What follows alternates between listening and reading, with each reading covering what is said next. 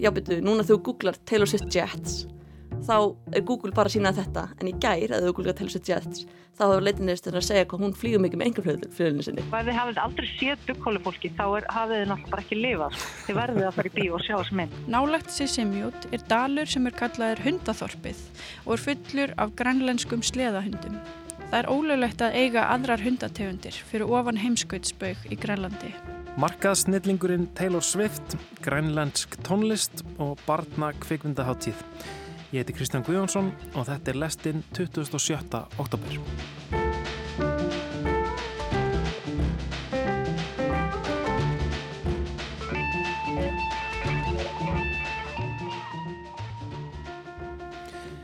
Við ætlum að byrja á einni alstærstu popstjörnu heims.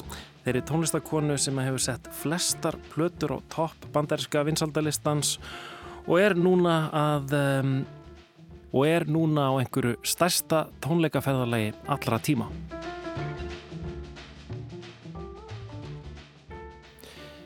Nýjasta tónleikaferð bandarísku popsöngununar Taylor Swift er nú þegar komin í sögubækur tónlistar yðnaðarins. Hún er nú þegar orðin tekjuhæsta tónleikaferð konu og hún verður að öllum líkindum tekjuhæsta tónleikaferð allra tíma og hálf kyni tónlistamanns. Kveikmynd unnin upp úr tónleikumennar í Inglewood í Kaliforníu í ágúst er svo orðin vinsælasta tónleikakveikmynd sögunar. Eldheitir aðdáðundur Swifties um allan heim, meðal annars hér á Íslandi, flikjast á myndina, skreittir glitrandi gerfidemöndum og vinaböndum og öskur syngja með einni allra stærstu popstjörnu samtímans.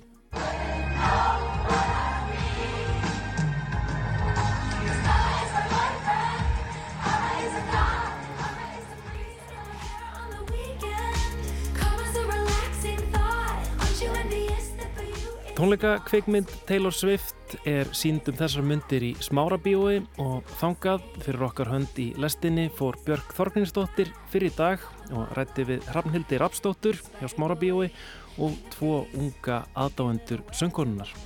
Hún er náttúrulega með geggjulög og vinsalög en ekki bara það heldur er hún líka bara ótrúlega mikil fyrirmynd og skemmtileg og bara aðdöndahópurinn hennar er svo rosa lojal og skemmtilegur og öðru sig og þær eru svo mikla vinkonur allar og Swifties eru bara, bara dásanlegar. En þessi armbönd, þið hafið fengið að sjá eitthvað af þeim? Já, þá er þess að Swifties sem er að mæta er að herma eftir alveru tónleika upplifunni að því að á Taylor Swift tónleikum þá eru Swifties að skiptast á vina armböndum og Taylor sjálf skrifaði á Instagram að auðvita eða halda því áfram bíónum og það er bara allt í armböndum og það er svo fallegt og innilegt að sjá þetta.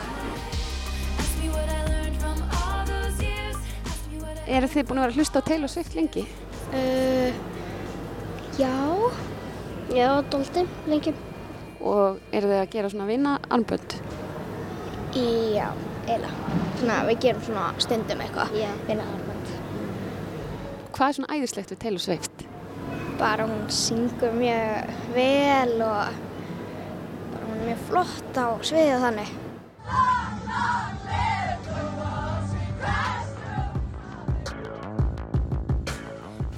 En hvernig hefur Taylor Swift tekist að skapa svo eldheitan aðdóðandahóp? Í lestin í dag ætlum við ekki að sökka okkur í laugin eða textana, heldur að rýna í markasvélina sem hefur spilað svo stóran þátt í velgengni Taylor Swift. Og til þess að gera það með okkur er hingað komin ljóðelsk markaskona og hardkjarna Swifti.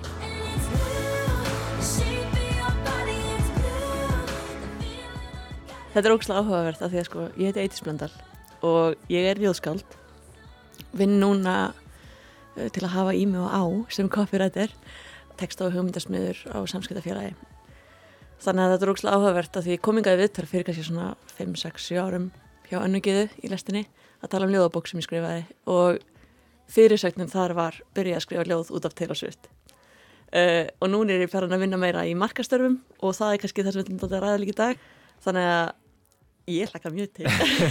Þannig, að, þannig að Taylor Swift er stöður innblástur hvort Já, sem er uh, á öllum mingundum og hérna uh, já ég byrjaði að hlusta Taylor Swift sko árið 2006 þegar hún gátt fyrsta lægi sitt. Já. Þannig að við höfum farið í getum úlingsárin saman og fullanisárin.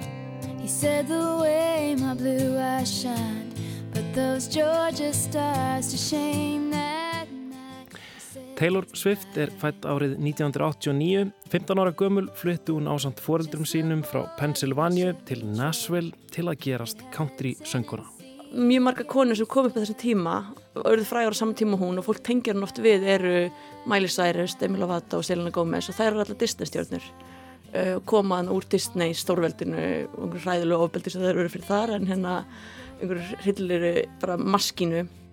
En Taylor Swift tengist inn í þær að því að hún hefur alltaf sama væpið og sama hugmyndina og um, sama brandið kannski en hún er samt vissanátt self-made. Hún vildi bara gefa tónlist en hefur bækið sér samt gífileg forrættindi fólkdrarnar að flytja til Nashville og keira hann á millist stúdíu til að skilja eftir plötur skiluru, eða svona útgefenda en hún verður þannig, uppgötast þannig og er að spila á börum og eitthvað svona þannig að það er svona meira kannski authentic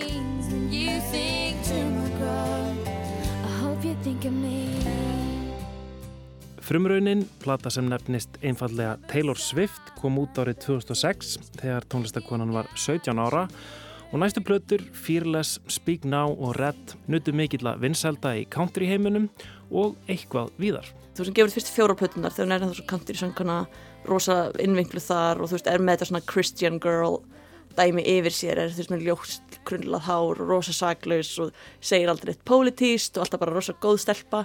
En svo verða strömmkvörf þegar hún gefur út plötuna 1989 árið 2014.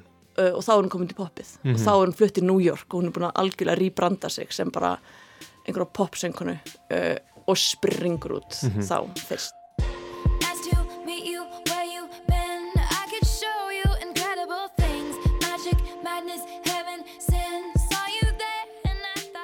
Og texta sem að eiginlega mjög fáum kannski mm. countrystjórnum text að gera er að Já. einhvern veginn færa sig alveg yfir í pop Einmitt. en það líka kannski er ég veit ekki, þú veist, af því að hún var aldrei country þú veist, hún, hún svona, kemur úr country heiminum vissilega og spilar country tónlist en hún er alltaf að daðra við poppi líka og þú veist, einmitt er ekki endilega authentically frá Nashville, hún er ekki þaðan og ekki svona frá Pennsylvania hún, það er mjög auðvelt stökk fyrir hann að fara yfir poppið.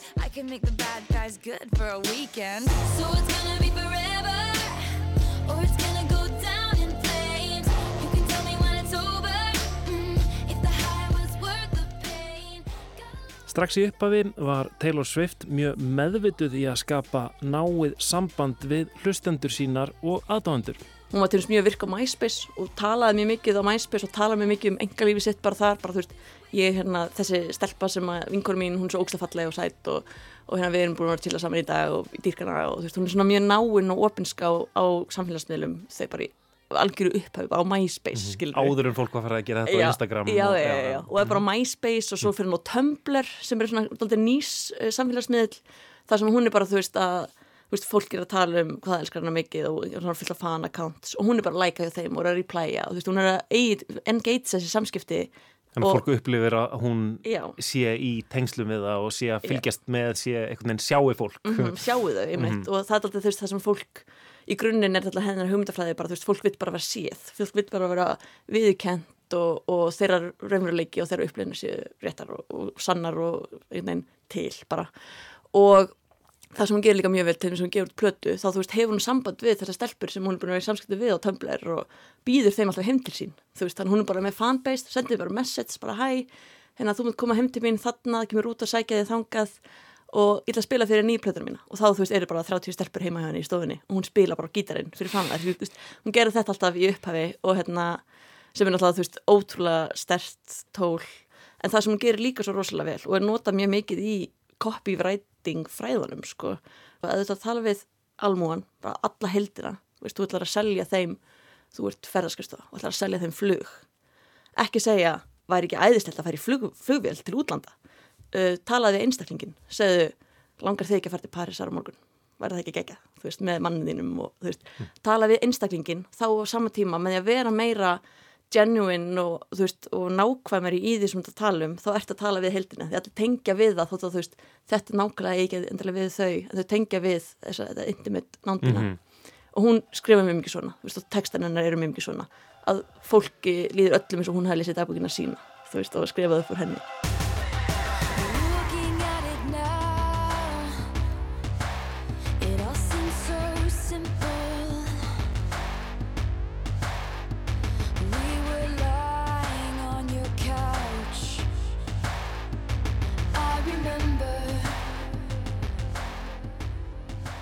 er það ekki rétt skiljið mér líka að hún svona laumar inn alls konar svona Mhm. hérna e, vísbendingum hér og þar og svona og kannski svona vissanátt sko virkjar fólk í að grúska í höfundaverkennar og, og, og, og búa til kenningar og tengingar og, og tengja við persónulegt lífennar og, og svo framvegist þannig að hún svona einhvern veginn ítir undir það að fólk svona hérna rýni í allt sem hún gerir. Algjörlega. Og þetta er svona hennar leið núna þegar hún er alveg svona stór og getur ekki lengur bara að vera að senda manni message á Twitter skilur kottu heim til mín.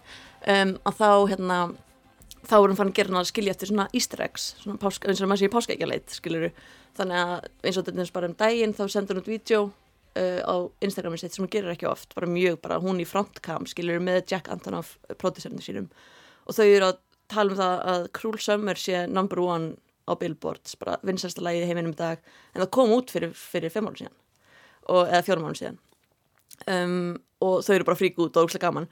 En þau eru svo skrítin þegar þau segja þetta þau eru alltaf að skera einhver svona merki haldi upp í höndunum einhvern veginn og þau eru að stama og fólk alveg bara þarna er einhver skilabóð, þau eru að segja okkur eitthvað. Og ég veit að því við erum svo nánar, ég þekki Taylor Swift svo vel þannig ég fatt að hún er að segja mér eitthvað. Þannig að þú veist, fólk upplifir mjög miklu svona nánd og einmitt fer þá aftur að grúska meira og, og, og fattar sko, já þau eru að halda upp í tíu og þetta er tíunda platin hennar og þau eru að rýri hvort að þessa plötu og þau eru, þú veist, fatt þessi Mhm. skilabóð, það, svona heldur hún nánd við aðdándunum sínar í dag Innan aðdáðandahópsins sem að kalla sig Swifties eru svo ólíkar fylkingar sem skilgreina sig að hluta til út frá því hvernig þeir tólka höfundaverkið.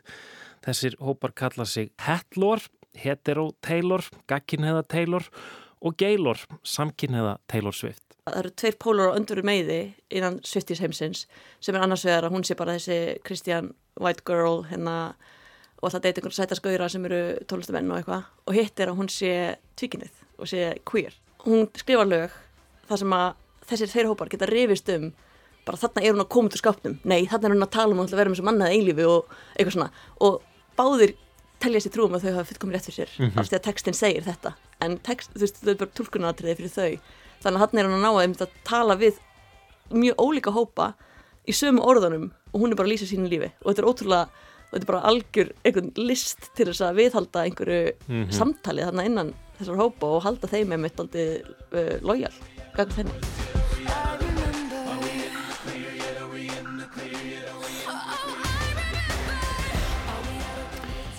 En þó að Taylor Swift hafi komið hverju læginu á eftir öðru á topp vinsaldalista þá hefur ferillin ekki verið eintómur dans á rósum.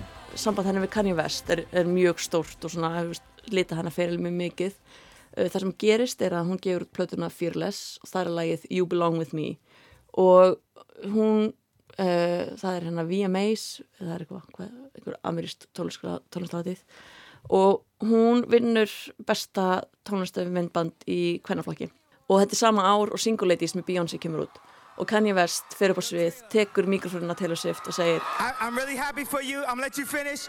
But Beyonce had one of the best videos of all time. Beyoncé var með besta tónlistöfutjóð og þetta er ógslag áhugavert út frá mörgum sjónarhornum en hérna en hræðilega upplifun alltaf fyrir Taylor Swift þú veist þannig er hún hvað, 16, 17, 18 ára bara úlingur, þetta er fyrsta svona hennar viðurkenning, svona stóra viðurkenningin og hann gerir þetta og svo vinnur Beyoncé sko í öllum flokkum, óháð kynum þá vinnur hún besta tónlistavítjóð þannig að hún endi ykkur vann. En, hérna, en það er svona fyrsta stolti svona, hvernig satt, svona brotin, brotin speilin sko, hérna hjá henni Taylor. Og, og þetta er svona þeirra samskipti þar og eitthvað fullt gerist og þau einhvern veginn á einhverjum sáttum einhvern tíman og það er aðeinslegt eitthvað. En svo gefur hann út lagið sem ég manni hvað heitir, það sem hann segir.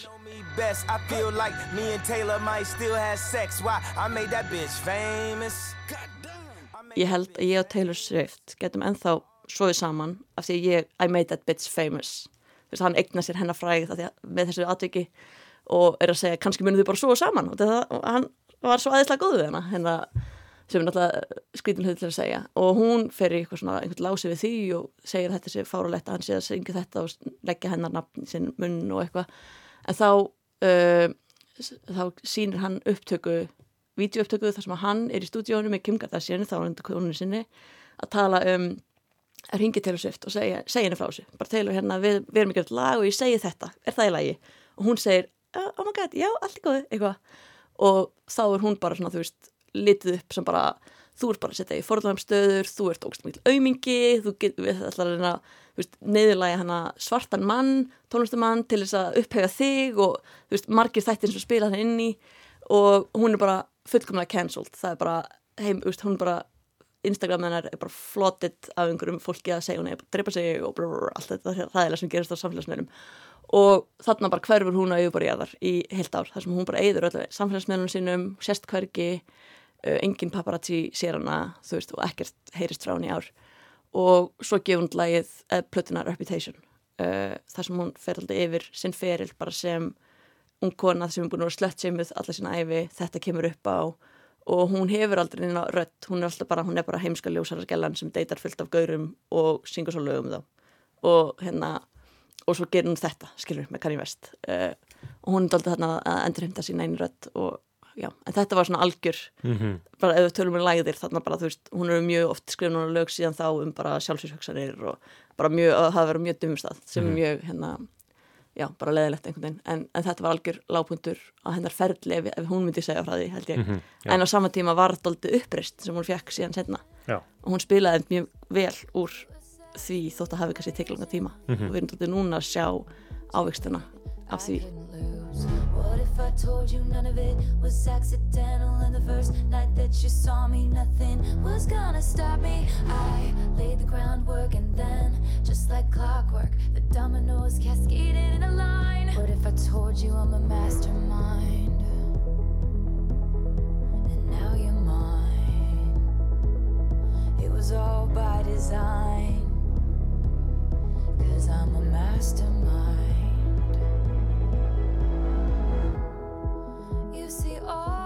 En ok, skulum halda áfram með markaðshliðina. Eidís Blöndal segir frá nýlegu atviki sem að einhverjir álíta að síni snild Taylor Swift þegar kemur að markaðsmálum og um, leitar bestun á netinu.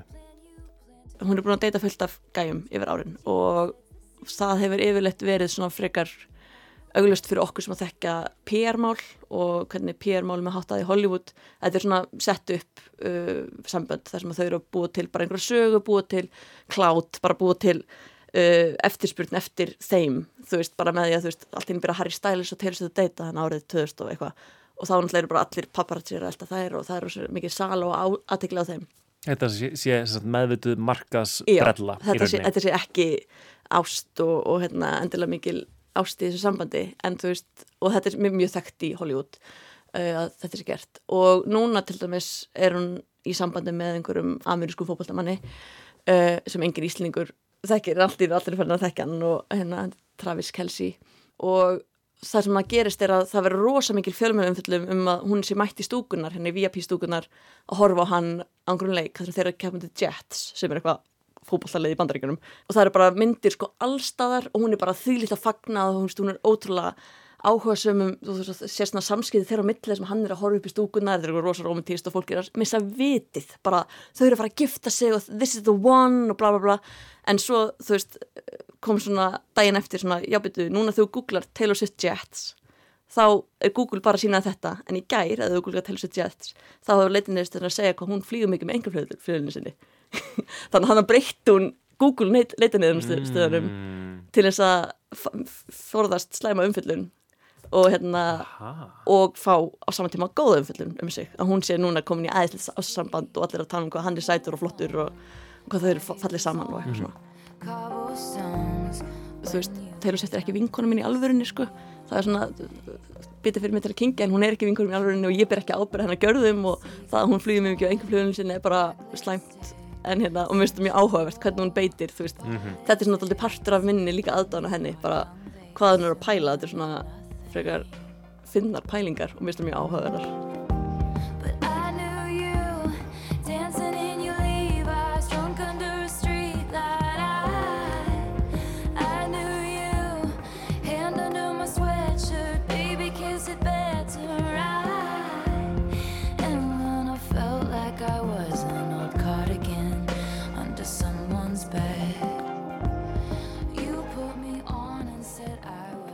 Annað sem hefur vakið aðtegli undanfærin ár er að Taylor Swift hefur verið að taka upp plöturnar sínar aftur, endur gera sínar eigin plötur og gefa út í annað sinn.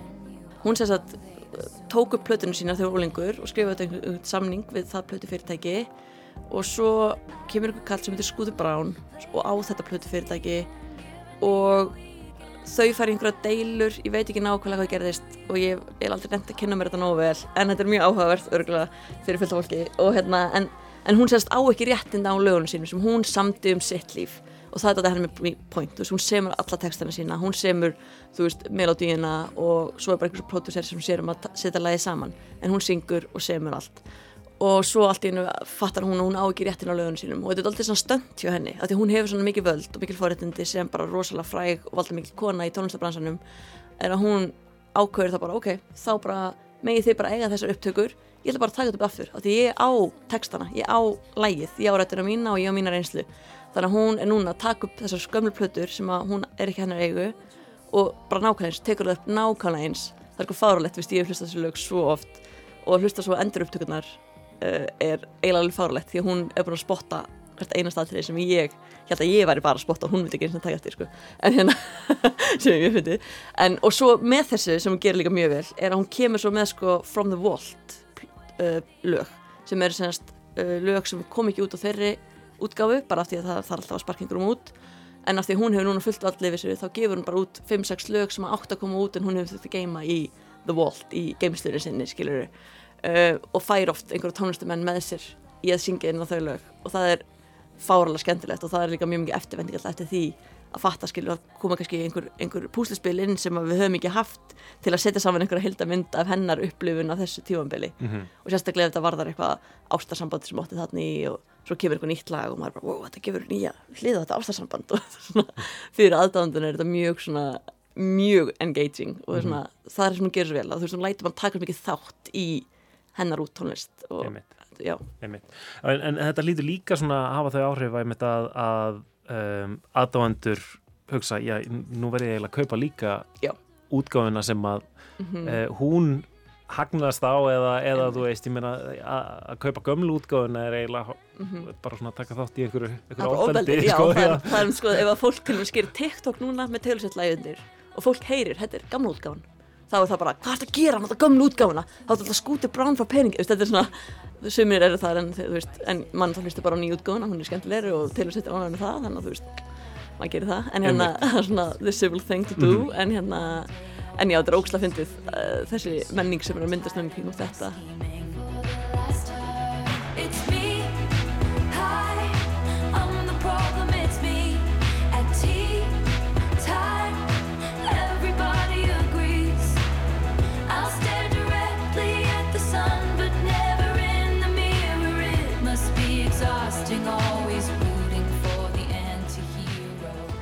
En Taylor Swift fær aðdáðundur sína ekki bara til að kaupa plöturnar aftur vegna þess að vondi bransakallin tók af henni master upptökurnar. Hún beitir líka ýmsum bröðum til að fá aðdáðundur til að kaupa sömu plöturnar oftar en einu sinni. sem gefur út til dæmis plötur uh, sem er bara hægt að kaupa í Target sem eru með lægi sem er hvergi annars það til sem hún er ekki með á Spotify, skilur, ekki með á neinum öðrum plötum og þetta gerur hún til þess að auðvitað fá fólk til að fara í Target og kaupa plötu sem þau eiga nú þegar bara til að fá þessa einu nýju plötu. Og það er fólk sem að kaupir allt sem hún gefur út þú veist, en fyrir mér er það bara fullkomlega siðlust og á henni að láta fólk gera uh, en, og ég tek, hef engan áhuga á því þú veist, en já, það er svona hennar kannski öfgafylsta Mhm. peningaplokk skiluru, en öll hinn markasetningin er miklu meira huglæg og lætur mann vera sterkari aðdáðanda Og þarna nýtir hún sér það Mhm. hversu hérna, heita aðdáðundur hún er búin að í rauninni skapa og, Mhm. og, hérna, og, og, og þá þeir sem að eiga pening og, Já. eða, eða kannski eiga ekki einu pening hérna, nákvæmlega. e, þeir þurfa að eignast allt og þá, Já. þá í rauninni gefur hún út margar mismöndu útgáfur Já. til þess að fólk þurfa að kaupa sömu plötuna Já, í eins og líka hún, rauninni hún oft gaf þú veist fjóra útgáður af Midnight svínilplötunni þá kannski ræðið þeim upp á vekk hjá þér og þá myndaði það klukku sem að sló miðnætti, skilur þetta er veist, bara eitthvað svona drasl sem Mm. að er eitthvað svona ok, þetta er algjör óþarfi sama platan fjóru sinum en ólika myndir þannig já, It's me.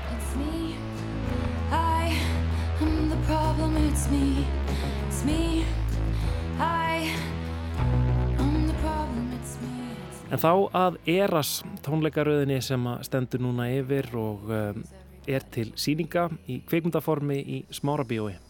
Hún gefur út Lover 2019, allar á tónleikaferðilega 2020 sem náttúrulega virkar ekki og gefur svo tvær plötur uh, í miðju COVID og þessar plötur alltaf mjög, þessar tvær COVID-plötur eru mjög ólíkar öllu hinnu þannig að það myndi ekki virka saman á tónleikum og þetta var svona, þú veist, ég var mjög mikið að pæla bara persónulega, bara hvað ætlar konan að gera ætlar hún að halda, að sleppa breytin blötunni eða þú veist, hvernig ætlar hún að gera þetta svo kemur fram að hún ætlar að halda tónleika þar sem hún er bara að fara yfir allan ferilin sinn og er að syngja lög úr öllum þessum ólíku þessum tímabilum, eras sem hún talar um af því að með þetta er aldrei svona hóluneyri tímabil þú veist, Mm. hún er mjög ólík þegar hún skrifaði fyrirles og leit hún einhvern veginn út og kletti sig einhvern veginn og svo þú veist, þroskast um tvö ára er þú veist, munurinn á því að vera 19 og 21 árs er bara mjög mikill og þá allt í nefnum alltaf nefnum manneski og miklu þroskaðri og farin að klæða sig öðruvísi og, og svo kemur næsta plata og þá einhvern veginn er hún alltaf öðruvísi, þú veist, þetta og hún er flutt til annar borgar og lífið henni er ólíkt og fólk er búið að fylgja henni svo náið að það þekkir þessi, þessa mun, þessi stílbröð hjá henni.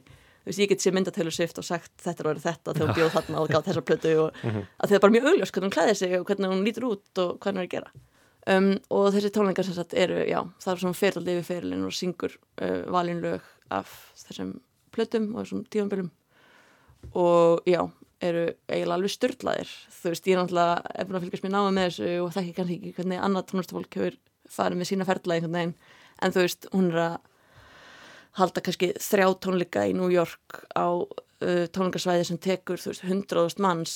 Og svo þarf hún að bæta við fjórum tónleikum í viðbúta þegar sem ekki eftirspurn, skilur, þetta er bara þetta er, þetta er alveg absúrt fáralegt og hérna þannig já, þetta er alveg risastórt batteri og Mhm. talaði um að hún og Barbie myndin hafi haldið upp í amerísku hægkerfi sko sensta sömar þannig að þú veist, allt í nýgur tvær ljósara gælur að haldið upp í hérna Mhm. amerísku hægkerfi sem er ógslag skemmtilegt og, en já, Þú fórst að sjá tónleikana í bíó. Já. Já. heldur betur ég sko, ég veit þetta svo fyndi ég kefti mig með á fórsýningu eða fremsýningu e, í Smárabíó fór í luxusal af því að þú veist ekki bara því ég vil hafa það gett næst og kósi þótt ég vilja það líka að hérna þá þá svona sikta mér í byrtu fólki sem er kannski ekki endilega að fara að njóta hennar eins og þú ert að fara að njóta hennar skilur og svo fekk ég þú veist þannig að með miðanum fylgir áfengur drikkur og bar fyrir þeir sem aldrei til og endalist pop og eitthvað. Og ég og vinkunum mín og, og vinnum minn förum og sitjum hann sko í leðursætum höllum okkur aftur og ég sko syng hvert einasta orð sko ég öskraða í þrjár klukkustundir og svo fór ég bara út og það var bara fyrstu dagur og ég er bara smáralind skilur bara en þetta var sko styrlað mér leiðin sem verið bara með bestu sæti í tón, á tónlingunum og þetta var fáralega góð upplöfun Mhm. bara að- þetta hefnast svo vel hjá þessari vinkunum minni að hérna þetta var fáralega Um, við slum segja þetta gott, uh, Eidís Blöndal, um, takk kærlega fyrir að koma í lestina og að spjalla um Taylor Swift. svo gaman að koma og tala um Taylor Swift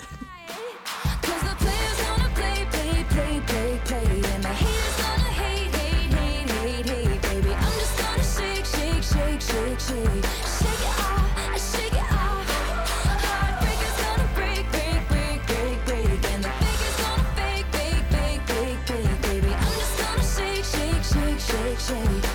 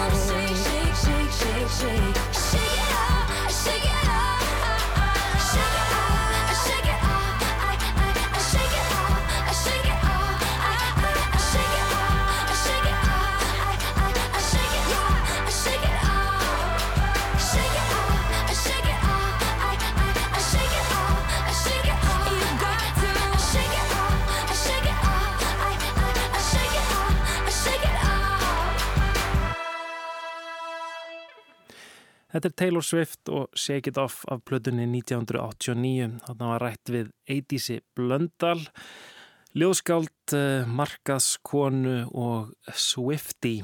Um, myndin, tónleikamyndin með The Eras tónleikaferðinni er sínd í smárabíó og líkur síningum núnum helgina eða kannski einhverjar nokkrar aukasýningar, það kemur, kemur í ljós. En við ætlum að halda til Grænlands. Það er Katrín Helga Ólastóttir, tónlistakona sem kalla sig oft Kóla sem að flyttur okkur pistil, fyrri pistil af tveimur um grænlenska tónlist og heimsókn hennar til Grænlands fyrir tveimur árum. Ég er klætt í föðurland og snjókala með rauða húfu og vettlinga og með sólgliru. Kuldin býtur kinnarnar. Mér og nokkrum nýjum vinum mínum hefur verið skuttlað á skíðasvæði nálat bænum Sissimjút á Grænlandi. Leiðin þangað var um 20 mínúna æventýri á sleðavagni sem var dregin áfram af vélsleða. Hljóðfærin okkar voru í öðrum vagni. Við eigum að spila á litlum tónleikum hér á skíðasvæðinu sem er hluti af hátíðinni Arctic Sounds. Sólglerugun eru ekki bara upp á kúlið heldur nöðsin því snjórin endurkastar mikilli byrtu. Sólin er hátt á lofti og fjöllin umlikja okkur. Hér brunar fólk neður brekkur og fyrir utan skíðaskálan er hljóðkerfi við hliðin á borðum þar sem er hægt að setja og borða nesti sitt. Það er apríl 2021 og ég er í tveggja veikna tónlistarsamstarfsverkefni. Í 14 manna hópi sem samanstendur af nokkrum dönum, færiöngum, einum svíja og síðastan ekki síst, grænlendingum. Það að koma til lands og vera ekki bara túristi heldur fá að kynnast innfætum er meira en gulls í gildi. Ég hef aldrei komið til Grænlands áður, en það kannski ekki efst á lista Íslandinga þegar hugað er að útlandaferðum sem vilja helst komast ódýrt í sólina, til dæmis til Tenerife. En flug til Grænlands er rándýrt þrátt fyrir að Grænlands er landfræðilega það land sem er næst Íslandi og ég hef heyrt sögursögnir að frá sömum stöðum á vestfjörðum sé hægt að sjá yfir til Grænlands. En ég sel það nú reyndar ekki dýrara en ég kefti það. Fjöllin sem umlikja mann í Sissimjót eru einn eldstu fjöll í heimi. Maður fyllist einhverju lotningu þegar maður horfir á þessi risastóru gömlu fjöll. Það er ákveðin kyrð og hljóðið verist berast öðruvísi í svo mikilli víðáttu og kulda. Maður er nær náttúrunni og að vissan hátt nær dauðanum.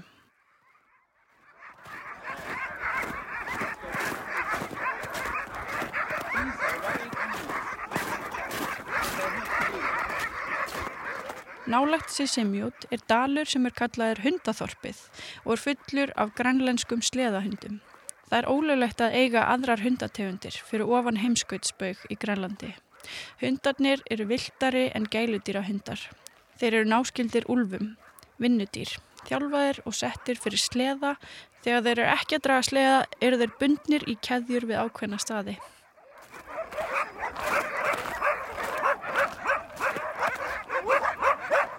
Mér var sagt að það væri tilturlega nýlegt að þeir væri bundnir. Fyrir um tíu árum hefðu bara verið frjálsir og hver við sitt svæði eða hús. En það hefðu bara gerst of oft að hundur hefði orðið barni að bana. Ég spurði ekki hversu oft uh, það hefði gerst en greinlega oftar en einu sinni. Þó að mér finnist erfitt að horfa á dýr sem er í búri eða bundin þá var ég örlítið fegin í þetta skipti.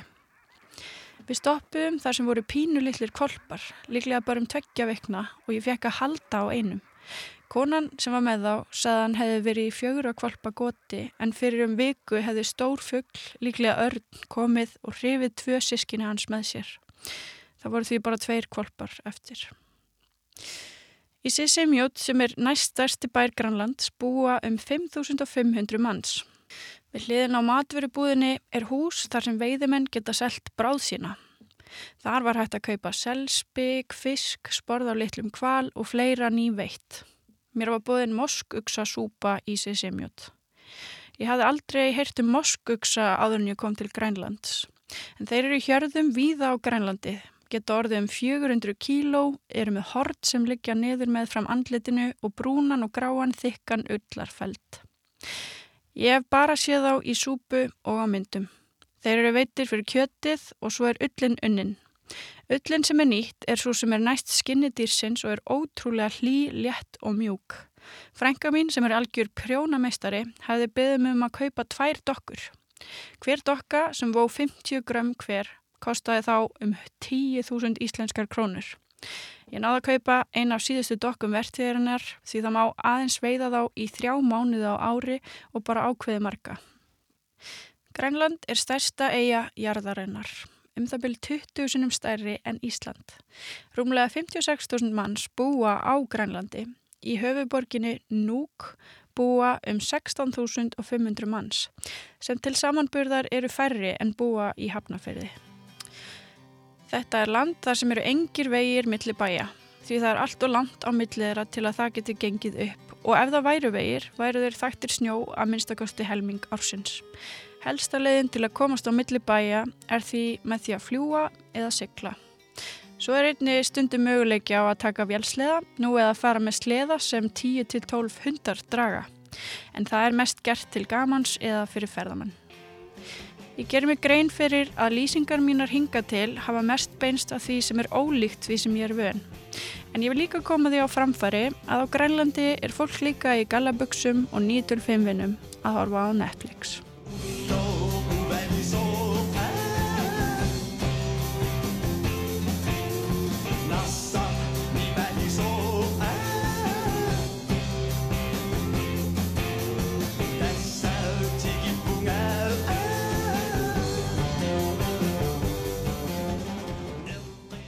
Grænland er kallað Kalalit Nunat á grænlensku sem þýðir land grænlendinga eða Inuit Nunat, land fólksins.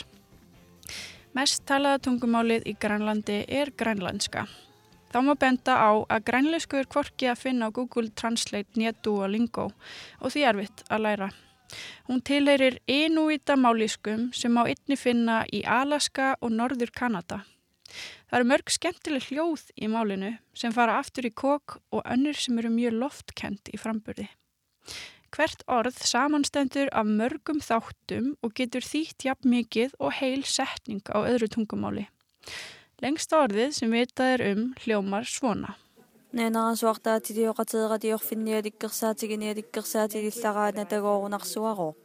Íslensk þýðing á þessu orði væri Enn og aftur reyndu þau að byggja útvarpstöð en það er víst enn á teikniborðinu. Danska er töluð sem annað tungumál og er staðan svo nú að sumir grænlendingar tala ekki grænlensku því hún er ekki kend í öllum skólum. Danmörk og Grænland eiga freka flókið samband en frá árinu 1721 til 1953 var Grænland nýlenda. Nýlega hafa komið upp á yfirborðið mál frá sjönda áratugnum þegar danska ríkið létt setja getnaðarvarnarlikjur í tæplega 5.000 grænlenska stúlkur og konur. Það er um helmingur grænlenskra kvenna á barningnaraldri á þeim tíma. Markmið danskra stjórnvalda var að hæja á fólksfjölgun á Grænlandi. Í mörgum tilfellum var þetta gert án samþykkis. Það var ekki fyrir 2009 að Grænland fekk fulla sjálfstjórn. Það þýtti að ofinbært tungum á landsins var þangað til þá danska en nú er það grænlenska. Mikið hefur verið rætt um sjálfstæði frá Danmörku í grænlenska þinginu. Helstu úrlaustnarefni Grænlands er að fjáraslegum toga. Það má kenna Danmörku um það að ymsuleiti að Danmörk hefur gert Grænland háð vestrænum eða evrópskum lifnarháttum. Nýveri hjælt grænlenskur þingmaður ræðu á danska þinginu alfarið á grænlensku. Það vækti mikið umtal um samskipti landana. Allt þetta hefur haft áhrif á listsköpun og menningu á Grænlandi. Um tíma voru hefðir á borð við trommudans og andlits húðflúr bannaðar. Trómurnar voru fluttar á söfn í Kaupanahöfn og hefðin glataðist að hluta til. Í dag leitar margt grænlenskt listafólk að rótum sínum og upphefur menningu sem hefur verið trafkað á. Menning sem er gleymd og var bönnuð í stað þess að fá að njóta sín. Árið 1973 var bylting þegar rockljómsveitin Sume gaf út plötu á grænlensku. Það var fyrsta tónlistin sem kom út á því tungumáli. Tónlistin er mjög innblásinn af amerísku rocki en textanir fjalla um ást og frelsi og um það sem hefðbundin rocklaug frá þessum tíma fjallum en einni um það að standa saman og vera stolt af hefðum og því að vera grænlensk og standa upp á móti nýlendu herrum. Hljómsveitin var gaggrinnin á danska yfirvaldið og sem dæmi var fyrsta plötumslæði þeirra teiknumynd eftir Aron frá Kangek sem var reyndar uppi á árunum 1822 til 69 en á myndinni má sjá Inuita sem stendur hjá Norðmanni sem hann hafi drepið. Þessum bísútin bæst sinja ná. Ég var bara að tala um hvernig hlutirnir voru. Í. Mér leið eins og Grænland væri ennþá nýlenda imminnu æringi fyrir sinna. Og grænlenska fólkið hafði enga stjórn yfir lögum og stefnu í þeirra eigin landi. Við vorum ung og auðvitað vildum við breyta þessu.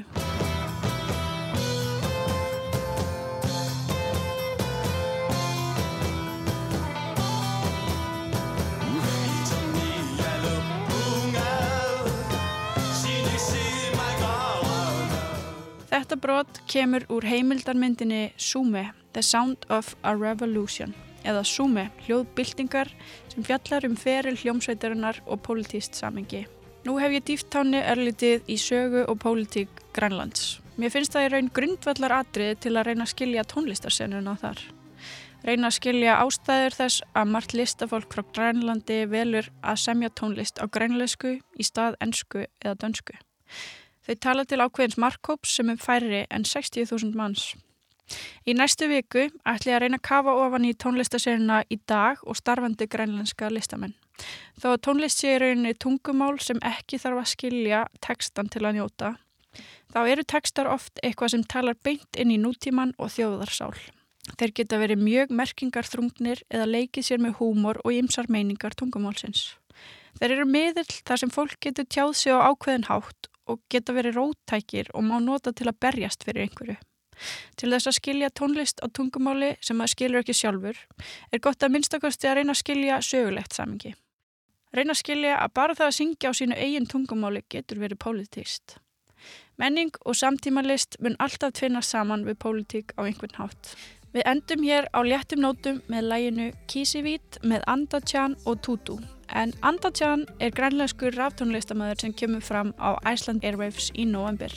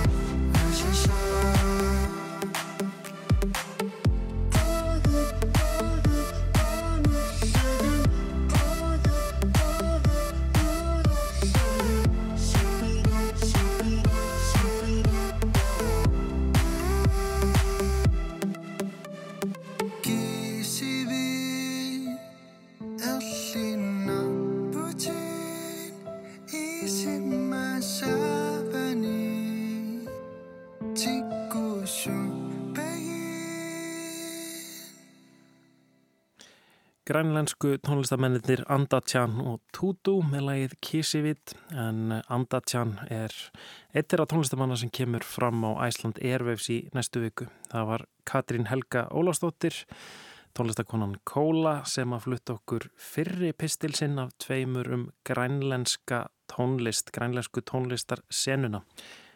En við ætlum að snú okkur að öru, við ætlum að snú okkur að kveikmyndum, barnakveikmyndum. Núna er um það bil að hefjast barnakveikmyndaháttíð í Bíóparadís, alþjóðleg barnakveikmyndaháttíð í Reykjavík.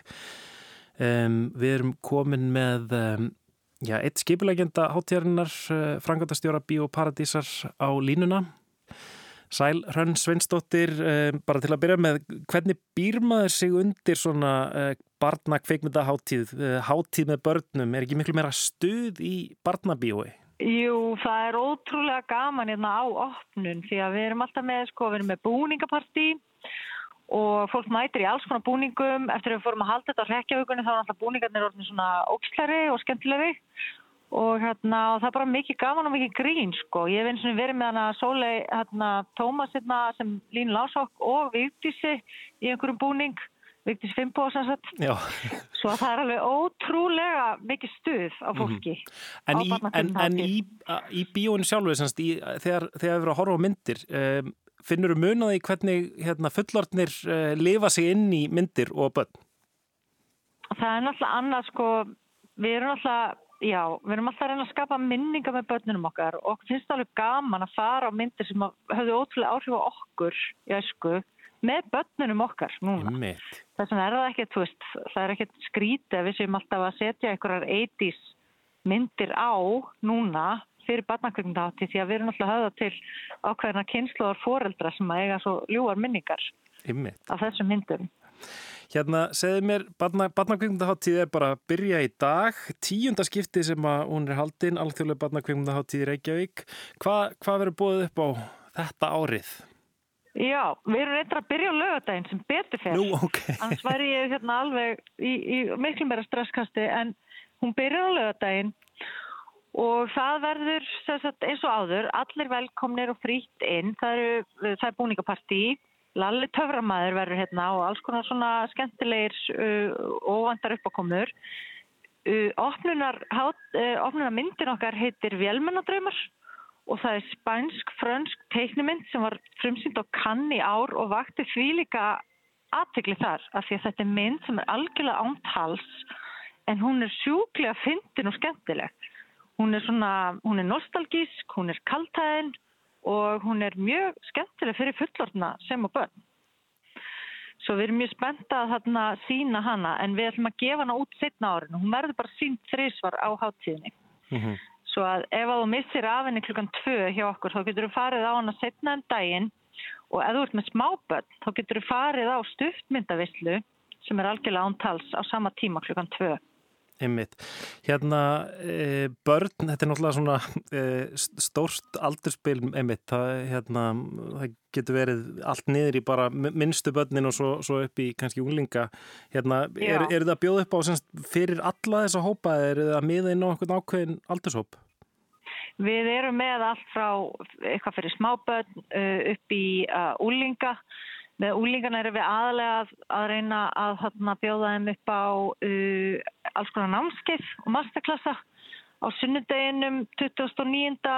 okt þá erum við með masterklassa með uh, Hilmar Sig og Gunnar Karlssoni úr Gunnhill en þeir eru fyrstu hérna, uh, aðlæðin sem byggur til fyrstu tölvuteknuðu e, teiknumyndina á Íslandi ef allir muna, muna kannski allir eftir li, litlu lerfunni ljótu. Og svo gerðu þeir fyrstu teiknumyndina á Íslandi í fullri lengt sem heitir Hetju Valhallar. Og, og teiknumyndina, teiknumyndina Lóa, Lói þú flýgur aldrei einn. En þeir alltaf að fræða okkur um hvernig tölvuteiknaðar teiknumyndir eru búnar til frá allu og við fáum svona gæðastakku tjöldin í gerð e, framhaldsmyndarinnar um Lóa og þetta er námskeið sem er frítt fyrir alla og er hugsað fyrir úlinga og eldri uh, eða ungt fólk og það er klukkan eitt á sunnudeginum í biopartís. Mm Hérna, þú, þú nefndir áðan að, að um, fólk, að svona kynnslóðunar tengi oft í gegnum barna, barnakveikmyndir, við horfum á uh, barnamyndirnar sem, að, sem að við ólumst upp með, með, með börnunum okkar og te- tengjum þannig. Uh, þeir eru Mhm. sína uh, dugghólu fólkið sem er orðin, já, hvað er hún orðin gömul? Hérna, það er nokkur ár síðan hún kom út, hérna, þannig að það, hún er að verða svona kannski klassík á einhvern nátt. Hún er algjör klassík sko. Ég held að hún hafi komið út 97 með minni rétt og hún hétt á ennsku No Network og fjallar að vissuleiti um svona skjáfíkn fyrir tíð snjallsíman sko. Aðalsögu heiti hann á, á GSM síma sem hann er mjög háður og fyrir út á landa sem er ekki hérna, samband. En þetta er æðislega mynd og það er draugur í henni og hún er, hérna, hún er svolítið, svolítið skeri en, en alveg frábær á rekjavökunni og ef þið hafið aldrei séð dugkólufólki þá er, hafið þið náttúrulega bara ekki lifað. Þið verðið að fara í bíó og sjá þessu mynd.